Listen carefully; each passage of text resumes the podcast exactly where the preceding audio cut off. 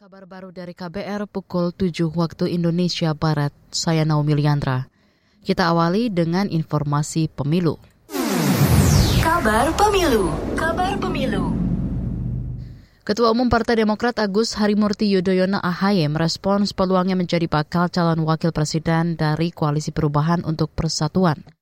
Koalisi itu telah mengusung Anies Baswedan sebagai bakal capres.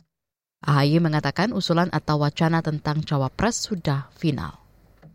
Ya sebetulnya terkait dengan usulan atau wacana tentang cawapres sudah final dalam arti tiga partai politik, Demokrat, PKS, dan Nasdem, bersepakat sudah kami tanda tangani yang namanya piagam kesepakatan di mana salah satu pasal paling penting adalah menyerahkan kepada capres Mas Anies Baswedan untuk menentukan sendiri cawapresnya. Ketua Umum Partai Demokrat Agus Harimurti Yudhoyono mengatakan sosok pendamping Anies harus memenuhi tiga kriteria yang telah disepakati oleh koalisi. Salah satunya harus bisa membawakan kemenangan dalam pemilu 2024.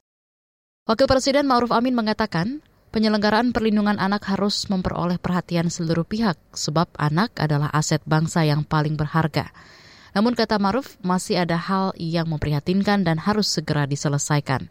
Berdasarkan data pengaduan, lingkungan keluarga dan pengasuhan alternatif memiliki tingkat pengaduan tertinggi. Oleh karena itu kita harus memastikan keluarga dan pengasuhan alternatif menjadi lingkungan yang aman dan nyaman bagi tumbuh kembang anak. Begitu pula dunia pendidikan dan sekolah seharusnya merupakan tempat yang menunjang bagi proses pembelajaran akademis maupun perkembangan sosial, karakter, dan talenta anak. Wapres mengatakan keluarga sebagai miniatur dari masyarakat bangsa dalam pengasuhan anak belum sesuai dengan harapan. Hal ini berdasarkan riset WHO UNICEF pada tahun 2020 yang melaporkan indeks perkembangan anak di seluruh dunia. Indonesia berada di peringkat ke-117 dari 180 negara tertinggal dari Singapura, Malaysia, Vietnam, dan Thailand.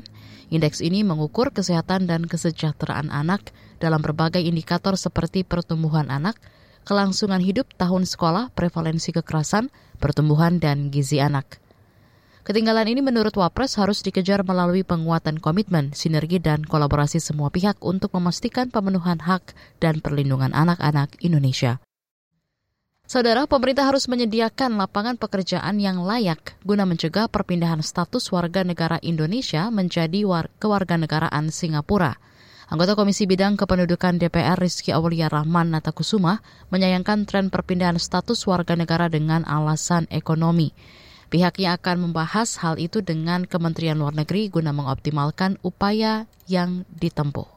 Akan membahas secara apa ya secara teliti apakah ada upaya-upaya dari Kementerian Luar Negeri yang selama ini bisa dilakukan perlu dioptimalkan. Tapi di sisi lain kita juga harus bisa sadar negara kita uh, sedang mengalami uh, pertumbuhan ekonomi yang mungkin uh, terlemah. Nah ini juga harus bisa dibarengi dengan adanya pemerintahan yang cepat tanggap dan bisa menjanjikan lapangan pekerjaan yang baik. Uh, kemudian ekonomi juga harus bisa ditingkatkan. Kesejahteraan masyarakatnya harus bisa dijaga. Hak-hak demokrasi uh, masyarakat juga harus bisa dijaga.